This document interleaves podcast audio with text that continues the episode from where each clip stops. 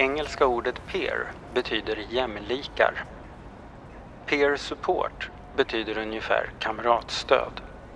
Peer support-projektet som NSPH driver handlar om att personer med egen erfarenhet av psykisk ohälsa anställs i kommuner och landsting för att öka psykiatrins och omsorgens förmåga att skapa förtroende och motivation och för att stärka patienternas och brukarnas återhämtning. Hur påverkas verksamheterna av det här? Vad säger personalen? Hur tänker cheferna? Jag heter Mårten Jansson. Det här är Kafferast i Kunskapsfabriken.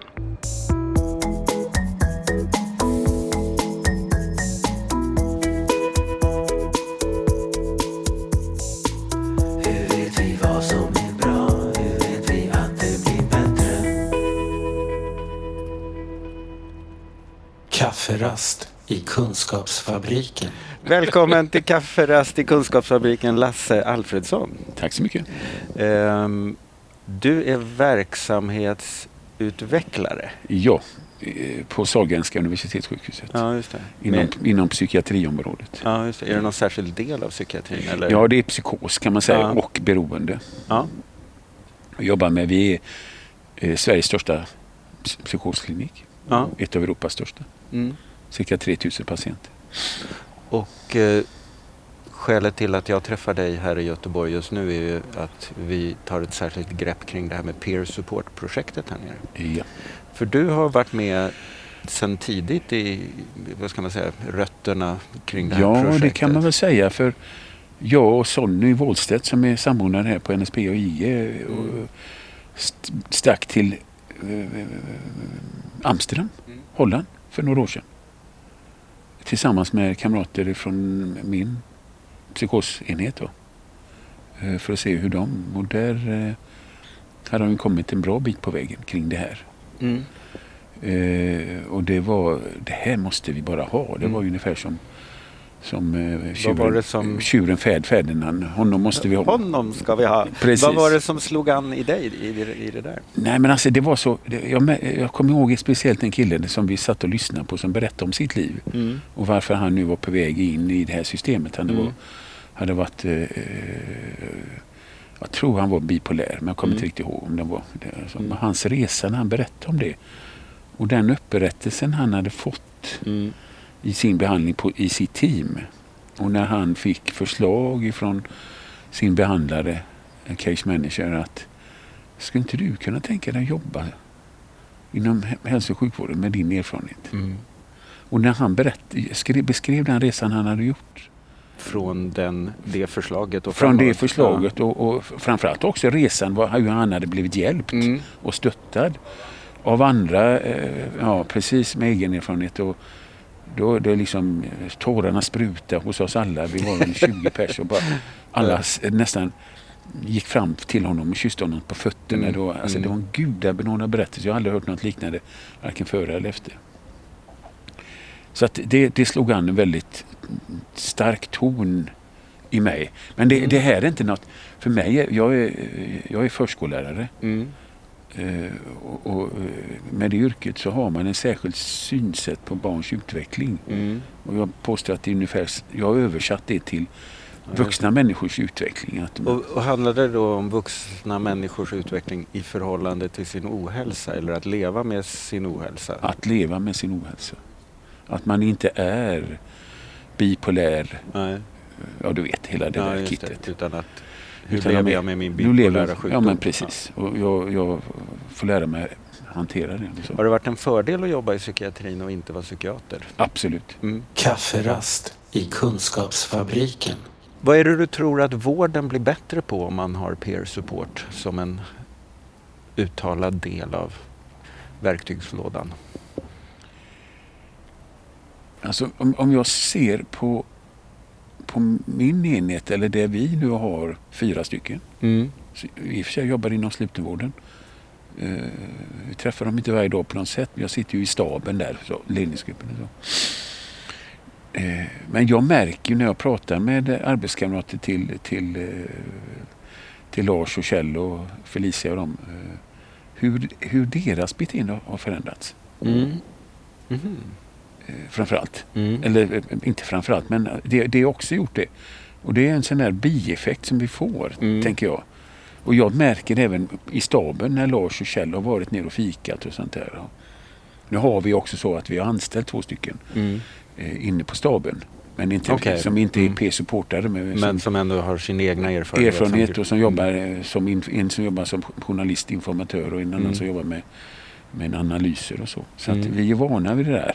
Men det, det sker något i personalgruppen Mm. också Mm.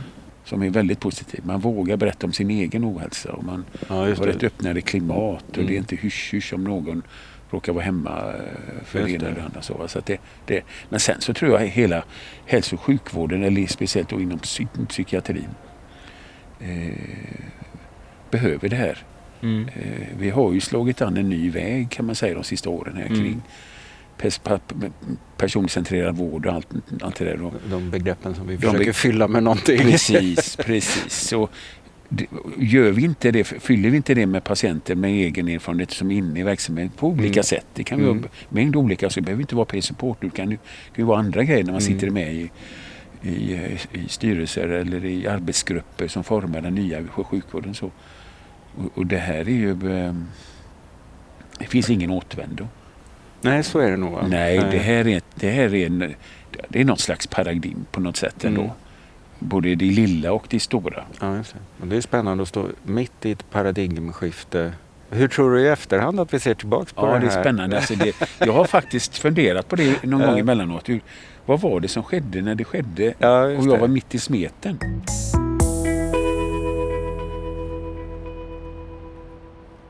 Jag kommer ihåg när jag, när jag och Sonny som introducerade försök till eh, delaktighet och det här för 10-12 år sedan. Mm. Då mötte jag av skratt. Och, nej men Mm. det så kan vi inte ha. Vi kan inte ha patienter som sitter i våran ledningsgrupp. Det går Vi kan ju inte prata öppet och, du vet det, allt det där. Det, det var från en annan planet. Ja men det var Sen- som en annan planet. Två år Ja. senare kom jag tillbaka. Ja, men självklart. Ja. Då var tiden mer mogen. Så att det, nej men alltså det, det är... Eh, jag brukar säga, jag var ju projektledare för det som vi kallade brukarcoacher. Mm. Just det. Eh, Vi fick ju pengar att introducera IPS i Sverige. SKL hade, fick ju det uppdraget. Så fick, Och IPS står för, Individual Placement Support. ja, som, har, just det, som är ett sätt att stödja personer att komma ut i arbete eller Exakt så. utbildning. Och så. Det är ett, kort kan man säga att vi, vi har ju i, i- vanlig arbetsmarknadspolitik så har vi ju eh, en trappstegsmodell. Mm. Man ska liksom trappstega sig in på arbetsmarknaden och praktisera och få Mm. utbildning och, och sen så ska man pröva det på något, en arbetsplats Mm. och sen är man redo. Här är det så att vill, säger du att du vill ha ett jobb Mm. så åker vi direkt ut och försöker fixa ett jobb Just och försöker anpassa arbetet till personens eventuella kognitiva svårigheter. Men också stödja arbetsplatsen att bemöta Bemöter, behoven. Precis, Ja. precis. Och, det, då var, då, och, det, då, det, eh, och det fick SKL ett uppdrag då att implementera den Mm. metoden och fick massa kommuner, massor, men 15 kommuner fick pengar för det. Och då blev jag tillfrågad av Göteborgs stad att vara projektledare för det. Och då eh, anställde vi fem stycken brukarcoacher som nu idag jobbar här på NSP och IG. IG. Eh, Elisabeth och Sonny och allt vad de heter.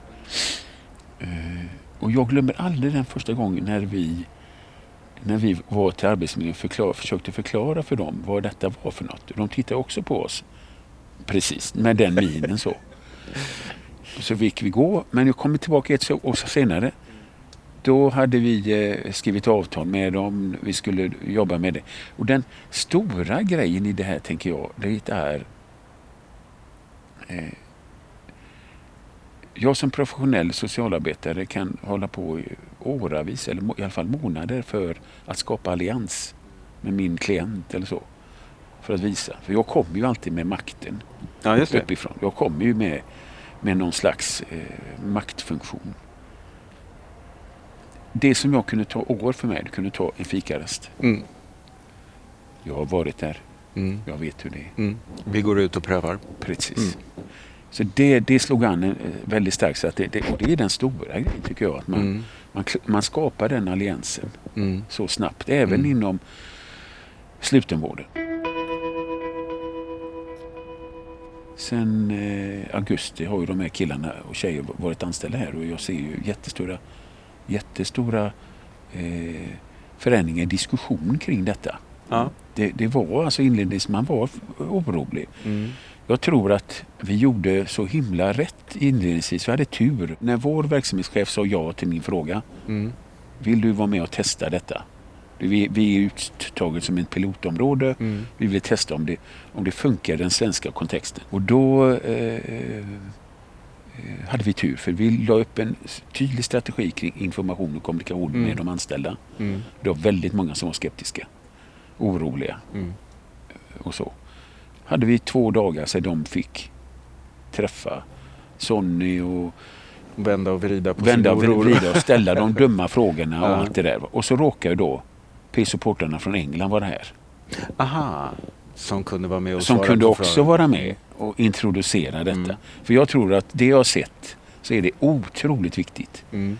att man introducerar detta och få, låta personalen få ställa de dumma frågorna Mm. vara med uppbyggnaden så att man verkligen vet vad är det jag ger mig in i. För jag, vill jag ge ett råd till de alla som går in i det här så måste man vara noggrann med det. Ja. I all aktsamhet om dem som, om P-supportrarna men också om, kring Mm. pers, personalens inställning till, till det här. Precis, det är också min erfarenhet när man jobbar med brukarinflytande mer för systemutveckling och sådär. Att den grupp man oftast glömmer bort. Nu börjar man lära sig att brukarperspektivet behöver vara med tidigt men att man väldigt sällan går ner till personalen och frågar vi tror att det här kan vara en bra grej. Hur, vad tror ni? Och hur, hur, och hur ska man göra den på ett sätt så att det passar er? Hur vet vi vad som är bra? Hur vet vi att det blir bättre? så, så måste man också vara noggrann med att, att vi eh, så att säga, följer upp det kontinuerligt riktigt Mm. ordentligt. När man, hur utvecklas det? Blir det det vi tänkte? Mm. För det är ju ändå så att England har i sitt system. Eh, Nya Zeeland var vi också Ja, just tittade det. Där var jag ja, med. Precis. Gud vad ni har fått Jag var resa. med. Ja, just det. Men det är ju svenska kont- kontexten. Det. Den svenska kontexten är helt annorlunda. Mm. Eftersom vi har vår svenska välfärdsmodell och det. vi har överlåtit till professionella Just det. England har ju både och i och för sig, men de har ju mest frivilliga organisationer Ja. eller organisationer som jobbar i välfärden som, som är avlönade på Ja, sättet. Här har vi ju en professionell eh, kommunal Mm. och statlig verksamhet som, Just det. Ska, ska göra allt. ja, Mm. som ska göra allting och vi har fråntagit oss det så att säga, samhällsansvaret på något sätt. Ja, just det. Och i det så har man då tänkt att eftersom vi är professionen så ska vi göra något som vi har tänkt ut. Ja, och det är ju det som är så fantastiskt att det ändå har vuxit sig så starkt. Trots det, det som ändå Just finns det. i. Det behöver inte vara motstånd utan det är det är en svår Mm. organisation att komma in i när vi har våra professionella Mm. som vet bäst och kan bäst. Och Ja, det är ju det är deras roll. Alltså, som det verkar också, nu har ju projektet bara hållit på inte ens ett år. Va? Nej, det är inte ens Ehm, ett år. och redan finns det fler län som vill vara med än vad projektet från början hade möjlighet att göra. Så att, och jag förstod också som att det är fler avdelningar, kliniker här i Göteborg som vill hoppa på. Ja. Nej, men nu växer det både inom, alltså vi var ju först psykos, men nu Mm. växer det både inom beroende och eh, affektiva. Personalen har ju tidigare rapporterat in i olika kvalitetsregister och inte sett resultatet förrän ett år senare. Nej. Hallå, hallå, hur kul är det att se det ett år senare? Där hittar vi nu system som man kan på sin egen he- enhet och personliga arbete som man gör kan man se hur utvecklingen sker med. Och där, där, är, där har vi haft med patienter hela tiden i fokusgrupper och diskuterat detta. Varenda grej vi har genomfört som vi tänkt så har vi pratat med, plockat egna patienter men även från våra föreningar. Ja. Men även egna patienter inne på, på, på öpp- öppenvårdsmottagningar. Så. Vad som är bra? Hur vet vi att Hörru du, jag får ta och Ja. komma tillbaka och hälsa på på er avdelning och göra Absolut. ännu fler kafferaster. Ja, absolut. Trevligt, Kul. trevligt att ha dig här Lasse. Tack Mårten. Den här podden görs av NSPH, Nationell samverkan för psykisk hälsa. Läs mer på vår hemsida www.nsph.se eller följ oss på Facebook, Kafferast i Kunskapsfabriken.